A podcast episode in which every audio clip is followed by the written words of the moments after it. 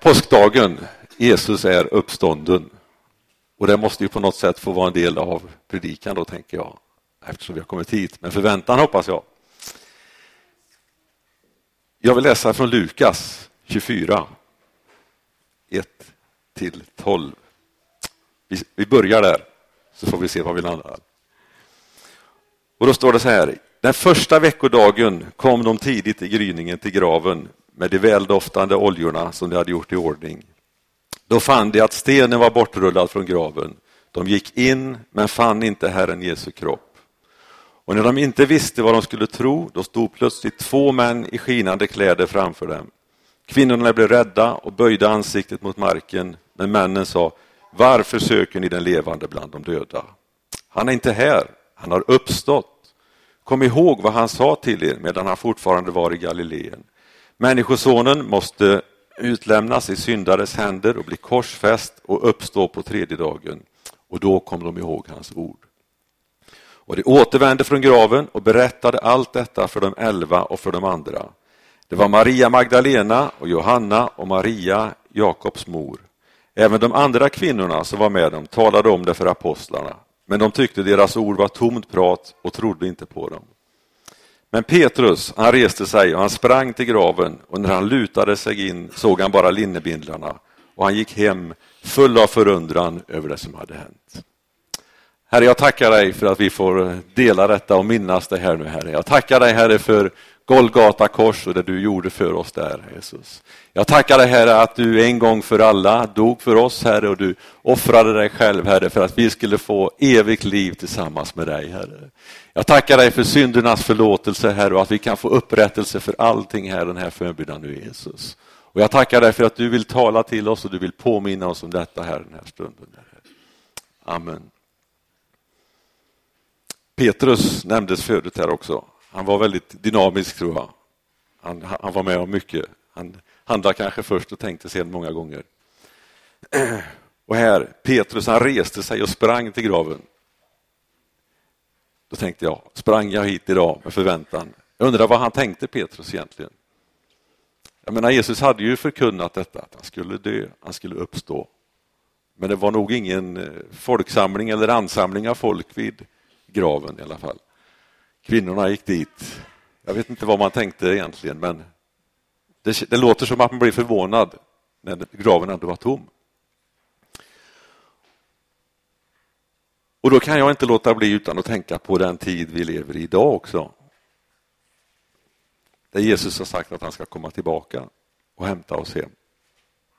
Och där vi som församling och troende får även där läsa det som står i Bibeln och se vad som händer i världen idag. Precis som han hade förkunnat sin död och uppståndelse, på samma sätt förkunnas det att han kommer tillbaka. Lärjungarna, jag vet inte, som sagt de var inte vid graven i alla fall och förväntade sig detta tydligen. Förväntar vi oss att Jesus kommer tillbaka idag, tänker jag. Det hänger ihop i min värld detta. Men Petrus han sprang i alla fall. Han, han börjar nog känna det att ja, men tänk om det är så. Tänk om det stämmer. Och jag liksom kan känna hur han, oh, tänk om jag missar något nu, kommer jag för sent, vad har hänt? Och så går han därifrån full av förundran. Då tänker han, var är Jesus nu? Kommer jag få träffa honom här igen? Vad är det som händer? Och jag tänker Det är viktigt att veta det att det var ingen som tog Jesus liv. Han gav sitt liv för dig och mig. När han hänger på korset och det sista så säger han med hög röst att Gud, i dina fader, i dina händer överlämnar jag min ande. Och jag tror att säger man det med hög röst, och han sa det ett par gånger vad jag förstår här när man läser det, då är det liksom inte någon utmattning på det sättet utan då känner han att nu är det färdigt, nu är det fullbordat, nu vinner jag segern. Han gav sitt liv för dig och mig ingen som tog det. Och det som då på långfredagen, när man stod där framför korset och kände, tror jag, en sorg. Och många visste nog inte vad händer, vad blir det av oss nu? Vad blir det nästa? Det här nederlaget som man kanske kände, det vänds nu idag på påskdagen i en seger. när man får se Jesus komma tillbaka i triumf, har vunnit en evig seger. Precis som eh, Anders var inne på här, det står så fint tycker jag i Matteus 27 om förlåten. Jag tänkte vi ska läsa det bara. 27 och 51.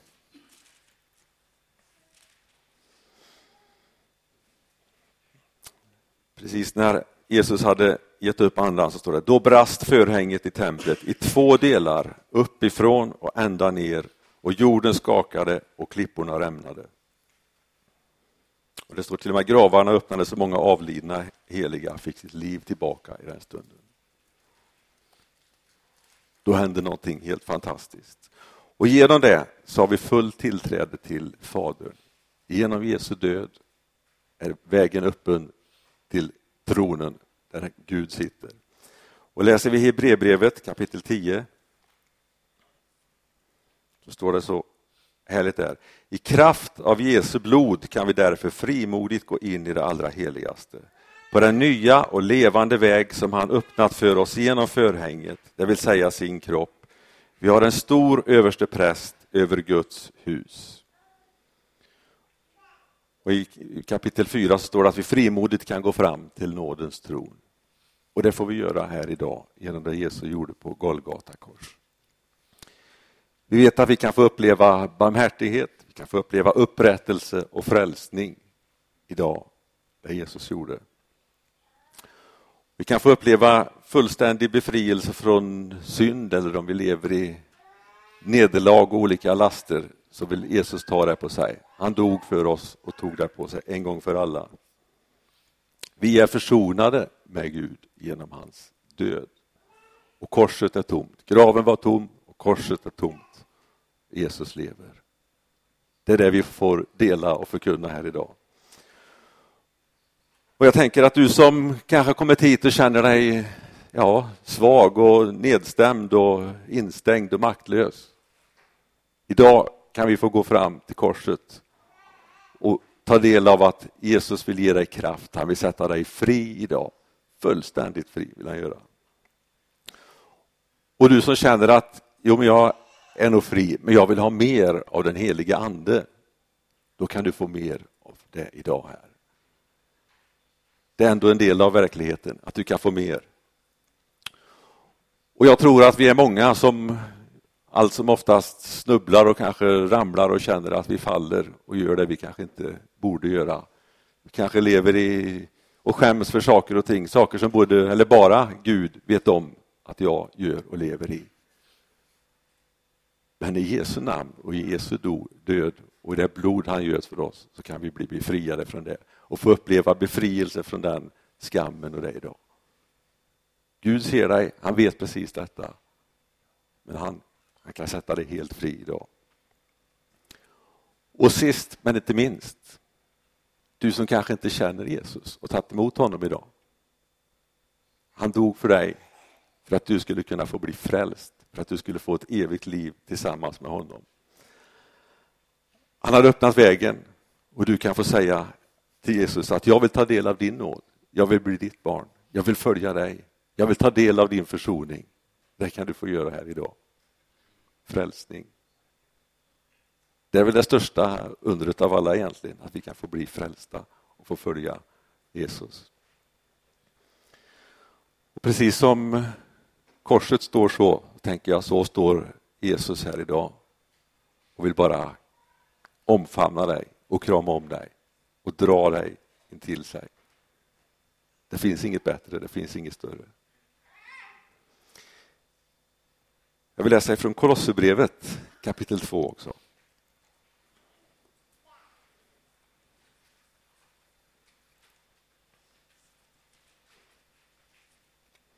Det blir några bibelställen här. Jag tycker det är, det är gott.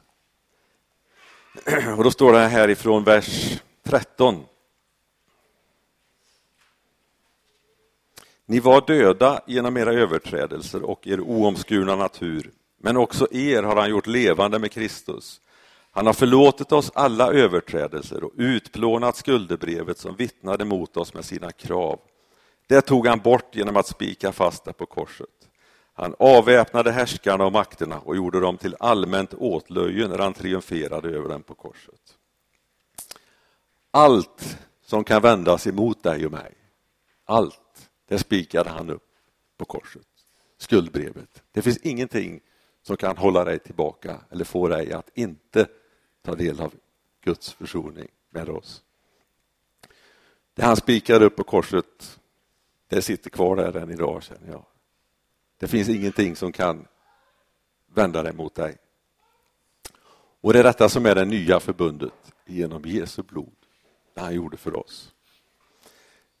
Det gamla förbundet var mycket med lagar och, och förordningar så att säga. Det, det, har upphört, ett nytt förbund. Det finns fortfarande kvar, det visar på Guds ska säga, karaktär eller hur han är som. Men han vet också att vi kan aldrig i oss själva leva upp till detta. Så därför så fick vi full förlossning genom Jesus på korset. Det står i Hebreerbrevet 9 att utan att blod utgjuts så finns det ingen förlåtelse. Och Det var också något i det gamla förbundet att man hela tiden, precis som Anders också var inne på här, en gång om året så var det den stora försoningsdagen så, men sen var det ett återkommande offrande för olika typer av skuld och synd.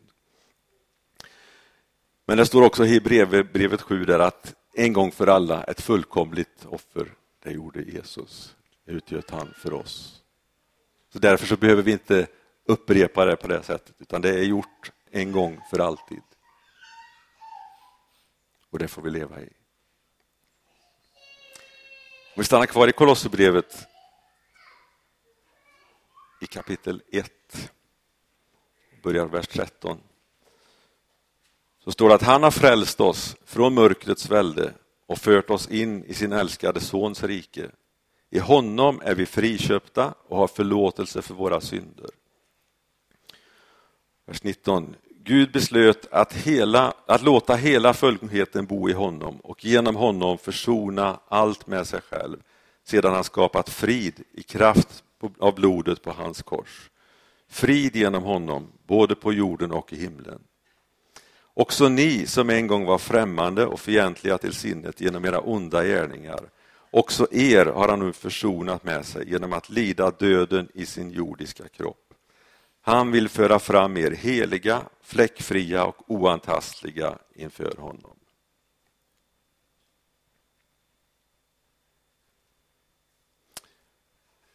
Gud vill att vi ska vara heliga och rena när vi kommer inför honom.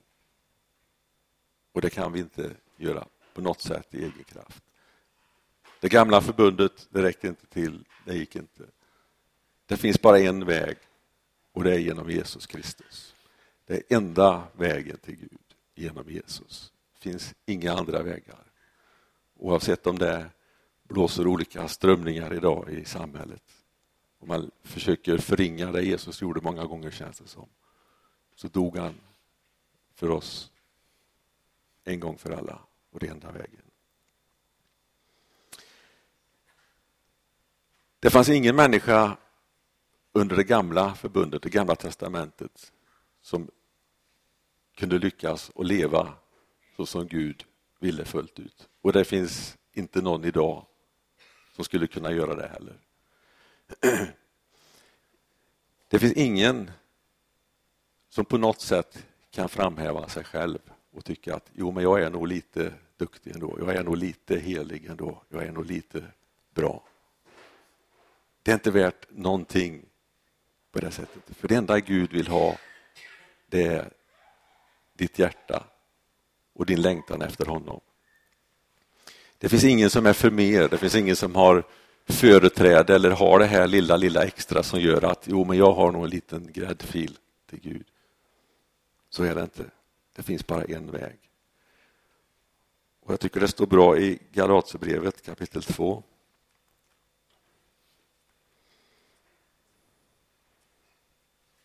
Det står så fint. Jag är korsfäst med Kristus och nu lever inte längre jag utan Kristus lever i mig. Och det liv jag nu lever i min kropp, det lever jag i tron på Guds son som har älskat mig och utgett sig för mig. Jag förkastar inte Guds nåd, för om rättfärdighet kunde nås genom lagen, då hade Kristus dött förgäves. Alltså det går inte att nå rättfärdighet genom lagen.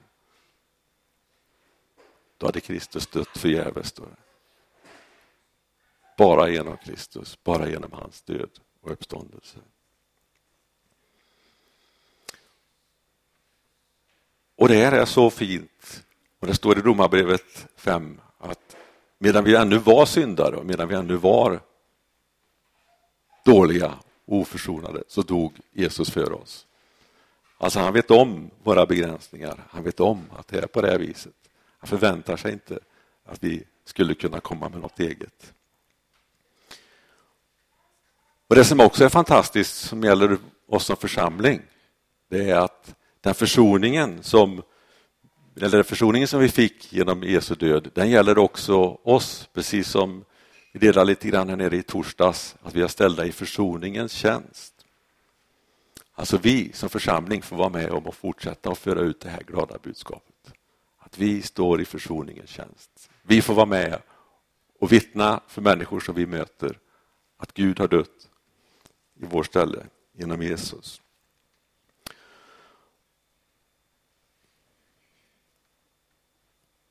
Har du någon längtan idag här att få uppleva mer av detta så kan du få uppleva det idag. Då har du kommit rätt. Den här befrielsen och den här glädjen och den här försoningen finns här idag att ta till dig. Kommer man hit och känner ändå lite grann det här att nej, men jag, jag är nog ganska bra. Jag, jag, klarar det nog ganska bra själv ändå. Jag, det känns bra.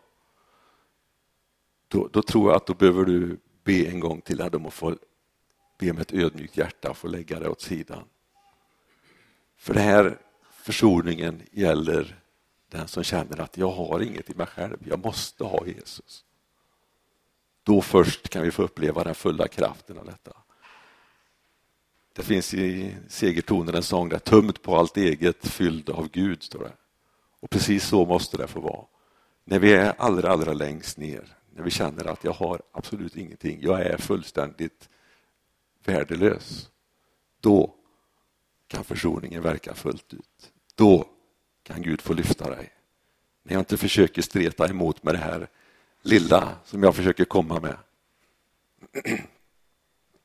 Då kan Gud verka fullt ut.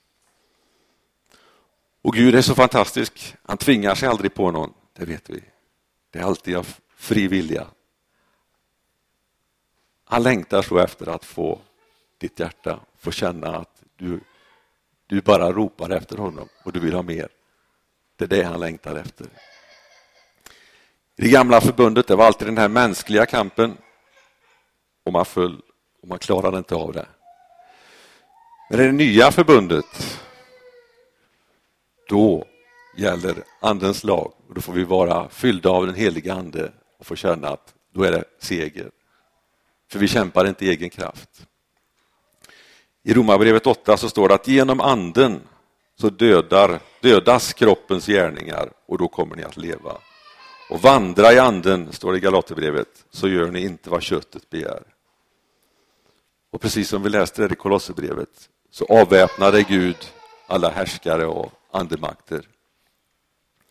Och då är frågan, finns det någonting som skulle kunna fälla oss om vi vandrar i anden och lever detta livet? Nej, det finns ingenting. Och På så vis kan man ha kopplingen eller kunna säga att påskens budskap med Jesu uppståndelse, död och uppståndelse hänger samman med pingsten, med andens utgjutande. Att vi får uppleva andens kraft. Den heliga ande är en gåva som vi får i det nya förbundet. Och det, är väldigt, det står till och med i Romarbrevet 8 att om vi inte tar emot den heliga ande och lever i det, då kan vi inte tillhöra Kristus. Då. Det är ganska dömande, hårda ord. Men det finns ju en väg. När vi tar emot Jesus, när vi blir frälsta, då får vi ta del av den heliga Ande och då kan vi tillhöra Kristus. Då får vi förlåtelse. När vi ber Jesus, jag vill att du kommer in i mitt liv. Jag vill tillhöra dig. Och då blir det också ett naturligt steg att jag vill bli döpt. Genom dopet i vatten, står det, så får vi del av hans död och uppståndelse. Titta i Romarbrevet kapitel 6.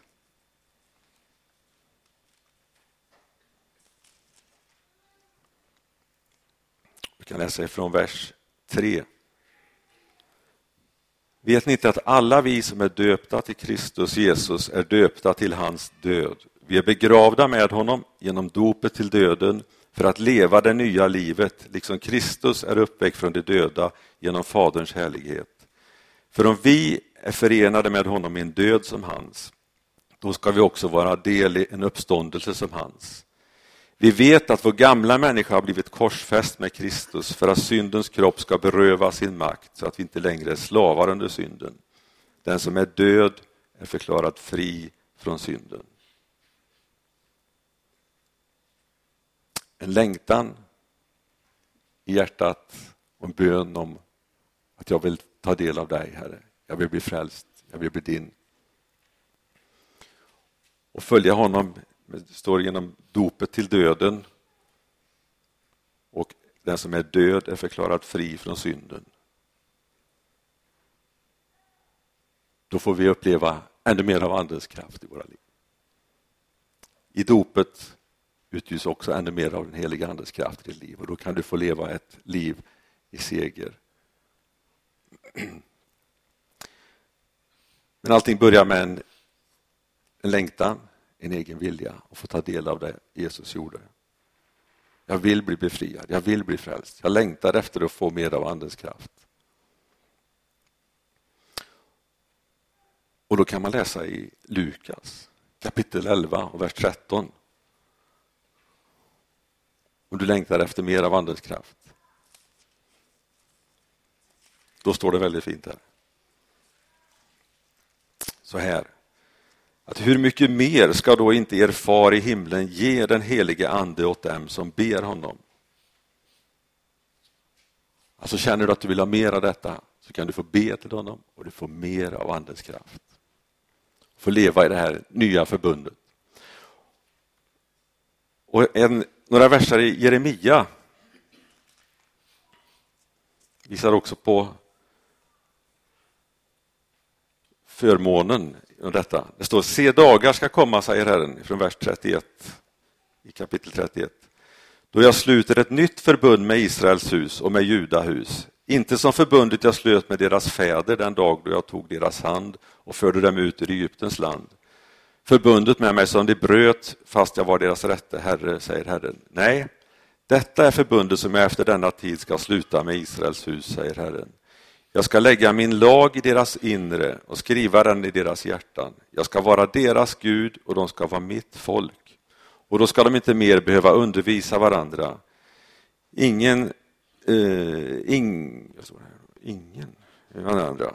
ingen sin broder att säga, lär känna Herren. Alla ska känna mig, från den minsta av dem till den största, säger Herren. För jag ska förlåta deras missgärningar och aldrig mer minnas deras synder. Ett liv med Anden som får leda oss och undervisa oss om vad som står och vad som finns. Och sen i den sista versen vi läste står det så här att jag ska förlåta deras missgärningar och aldrig mer minnas deras synder. Aldrig mer minnas. Då kan vi få gå härifrån idag när vi lämnar gudstjänsten helt förlåtna och helt fria. Oavsett vad det är. Om vi möter Jesus för första gången eller om det är det här som ligger och tynger oss. Som du också berörde här i början, Anders, lite grann. Det kanske finns någonting i vägen, i relationen som stör. Du vet om det och Gud vet ju om det. Men det han vill, det är att du kommer inför honom och bara bekänner det. Då kan han få göra dig fri, få göra någonting i ditt liv.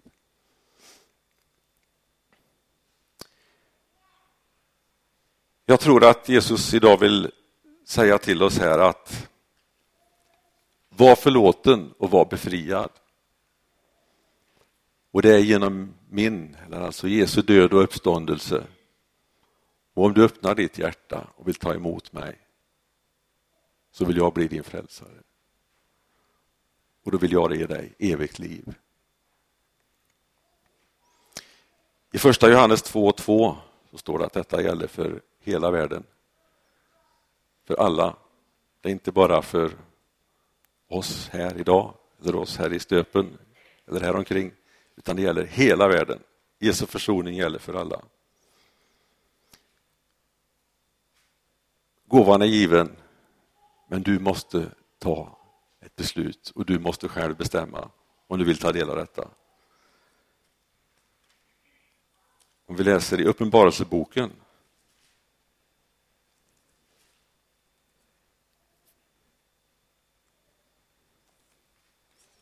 kapitel 3 och vers 20 tänkte jag.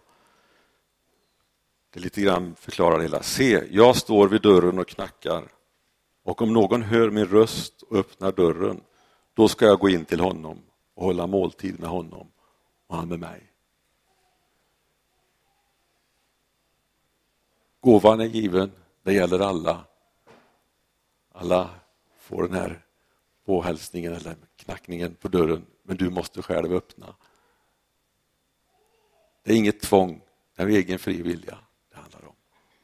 Men då kan du få del av allt detta. Det finns ju en härlig sång som jag inte ska sjunga, men jag ska citera den. Precis, Anders. Han är uppstånden, han lever, graven den är tom. Han vunnit seger över döden och vi har själva mött honom. Jesus, vår frälsare, har gett oss evigt liv. Han är uppstånden, han lever. Jesus har gjort allting nytt. Han som var död, han lever. Och han vann en evig seger. Han lever. Allting hänger samman. Döden och uppståndelsen på korset. Vi får ta del av livet genom anden. Det står att den kraft som uppväckte Jesus, anden, den kan vi få ta del av och vara verksamma i våra liv idag. Och det känns ju ändå svårt att inte på något sätt sluta i framtiden, tänker jag. Evigheten och det hoppet vi har genom detta. Vi började i att förlåten blev riven i bitar uppifrån och ner. Tillträde till tronen. Vi kan frimodigt gå fram inför tronen, står det. Och då vill jag ta med dig till Uppenbarelseboken igen. Kapitel 7 och vers 9. Där finns tronen med igen. Och då står det så här att därefter såg jag och se en stor skara som ingen kunde räkna. Av alla folk och stammar och länder och språk. De stod inför tronen och inför lammet, klädda i vita kläder och med palmblad i sina händer och de ropade med stark röst Frälsningen tillhör vår Gud som sitter på tronen och lammet. Rena och heliga inför Gud, som vi läste tidigare. Man står inför tronen och sjunga och tillbe. Den möjligheten finns här idag, för det var det Jesus gjorde på korset. Han öppnade vägen till tronen. Det är det budskapet som jag vill ge dig här idag. Att få leva i detta. Oavsett om det är första gången som du sitter och funderar. Eller om du lever i det här och du kanske ser ner på dig själv av olika anledningar och tycker att du är dålig, du är värdelös, inte klarar någonting. Det är inte så Gud ser på dig. Han vet att vi inte är fullkomliga, han vet att vi är begränsade men hans nåd och hans försoning så vill han lyfta dig. Han vill ställa dig på fast mark. Vi kan gå och trampa i lera och ha det jobbigt och försöka i den här egna kraften att jo, men jag är nog bra. Kom till Gud, kom till Jesus, han vill lyfta dig och ställa dig på fast mark. Herre, jag tackar dig för att du rör vid oss här idag, Herre. Jag tackar dig, Herre, för att vi får ta del av försoningen, Herre, och det du gjorde på Golgata kors, Herre. Jag tackar dig, Herre, för att det gäller oss idag, Herre, och jag tackar dig för att vi har ingenting att komma med inför dig i egen kraft eller att vi skulle vara duktiga eller präktiga på något vis, Herre. Tackar dig Herre för att det är nåd allting detta Herre. och Jag tackar dig för att du gjorde det för att du älskar oss Herre. Jag tackar dig Herre för att du visste Herre att vi inte klarar av det på något sätt Herre. Vi klarar inte av att hålla de bud och de föreskrifter som du hade ställt upp här, utan du gav Jesus i försoning för oss Herre. Och jag tackar dig Jesus för att du gick hela vägen här, att du drack hela den bägaren med allt elände, all synd och allting Herre som vi hade dragit med Herre. Det tog du på dig och dog för oss Herre på Golgata kors Jesus. Jag tackar dig för att vi har möjlighet att få uppleva försoning Herre och frälsning idag Herre. Jag tackar dig för att vi har möjlighet att få uppleva den här glädjen i våra liv Herre. Och precis som när Petrus får springa upp till graven Herre, på samma sätt kan vi få springa till dig här idag och få ta del av allt detta Herre. Vi får bara sträcka våra hjärtan emot dig Herre. Vi får lyfta våra händer emot dig Herre. Och av nåd Herre så vill du möta oss Herre. Av nåd så frälser du oss Herre. Jag vill tacka dig för det Fader. Herre, tack att du lever idag och tack för vad du gör i våra liv, Herre. Amen. Amen. Jesus. Jesus.